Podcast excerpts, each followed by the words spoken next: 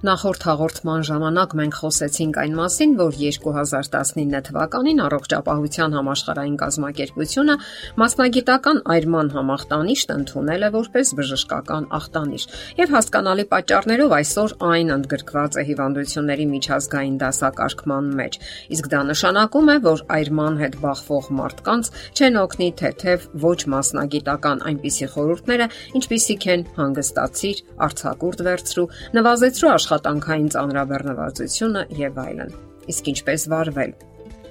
Նախորդ հաղորդման ընթացքում հնչած խորհուրդներին այսօր հավելենք եւս մի քանիսը։ Դրանցից կարևոր է ձեր կյանքի թաքնված կողմը։ Դուք ունեք այնպիսի պահեր եւ երևույթներ, որոնք գաղտնիք եք պահում աշխարից։ Ամաչում եք, ճիշտ չեք համարում, սակայն շարունակում եք այդպես վարվել։ Ինչ որ բան ձեզ մոտ չի ստացվել եւ ձեզ անհաջողակ կամ ձախորդ անznավորություն եք համարում, իսկ դրանից ձեր ինքնարժեքը չի բարձրանում, այլ ընդհակառակը դուք սթրեսային վիճակում եք։ Պարզապես հիշեք, որ որ ոչ մեկս կատարյալ անznավորություն չենք եւ ունենք մեր թույլ, խոցելի եւ սահմանափակ կողմերը։ Եվ ահա հուզական մոխրացման կամ այրման ժամանակ դրանք առավել ցայտուն են երևում։ Մենք ցանկանում ենք ազատագրվել դրանցից, չտեսնել, թաքցնել, սակայն դրանք այնքան են կուտակվել, որ անգամ ուժ չունենք թաքցնելու։ Ելքն այն է, որ դուք պետք է հստակ տեսնեք դրանք, պատկերացնեք, մտածեք ինչպես ազատագրվել կամ ինչպես ապրել դրանց հետ։ Մտովի զրուցեք ձեր կյանքի այդ ստվերոտ կողմի հետ,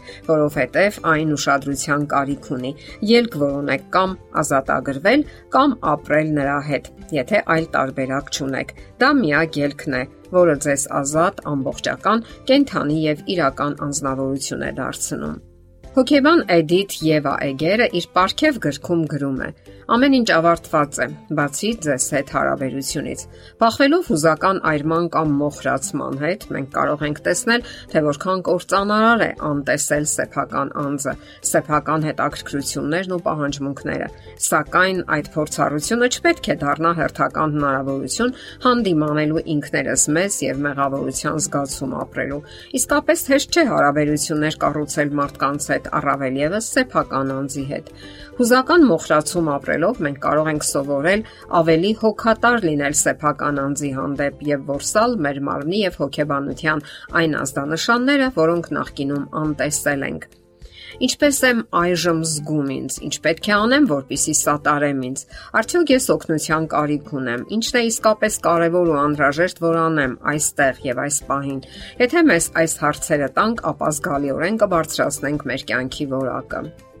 Մենք բոլորս մեր ներսում ունենք պատկերավոր ասած ներքին բռնակալ, որն անընդհատ դատապարտում, մեղադրում եւ անընդհատ ինչ որ բան է պահանջում եւ երբեք չի բավարարվում։ Մենք ունենք պաշտպանական մեխանիզմ՝ թաքնվել մեր բնում, ոչինչ չանել, քանի որ միևնույնն է, ինչ էլ անենք, այն երբեք չի բավարարվելու։ Մեր առաջադրանքն է ոչ թե ազատագրվել այդ բռնակալից, այլ հասկանալ, թե որն է նրա գործառույթը եւ ինչից է հետ պահում մեզ։ Այժմ մենք գիտենք, որ առաջ ընթանալը անհնար անհնար է առանց այն բանի, որ չզգանք մեր խոցելիությունը եւ որ կյանքը միշտ նորանոր մարտահրավերներ է դնելու մեր առջև։ Ներքին բռնակալի ձայն իրականում կարող է լինել այն ձայնը, որն ասում է. «Արքելակիր, կանգ առ, հասկացիր եւ գծիր քո ուղեգիծը»։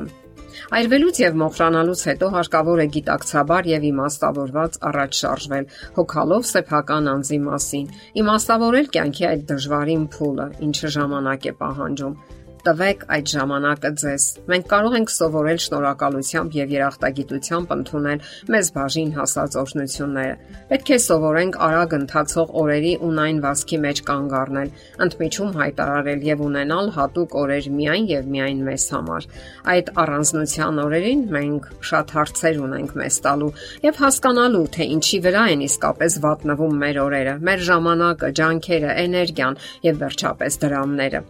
Եվ արդյոք դա է այն, ինչի կարիքն իսկապես ունենք։ Իսկ միգուցե մենք կորցրել ենք մեր ուղենիշները եւ սխալ ճանապարհով ենք առաջ ընթանում։ Իրականացնում ենք արդյոք մենք մեր ներուժը, զբաղվում ենք արդյոք այն բանով, ինչը թույլ է տալիս զարգանալ մեր արժեքներին համապատասխան։ Մոխրացումից հետո մեր կյանքը կարող է միանգամայն տարբեր լինել, միանգամայն նոր թելով հյուսվել Եվ այդ նորը կարող է միանգամայն մինչ այդ մեզ անհայտ հորիզոններ բացել մեր առջև։ Ինչպես Աստվածաշնչում է գրված, անգամ վատ բաները Աստված կարող է լավի վերածել մեր կյանքում։ Իսկ միգուցե հենց դա է տեղի ունենում այս պահին մեր կյանքում։ Դա դուք կարող եք որոշել ու հասկանալ։ Եթերում առողջ ապրելակերպ հաղորդաշարն է։ Հարցերի եւ առաջարկությունների համար զանգահարել 033 87 87 87 հեռախոսահամարով։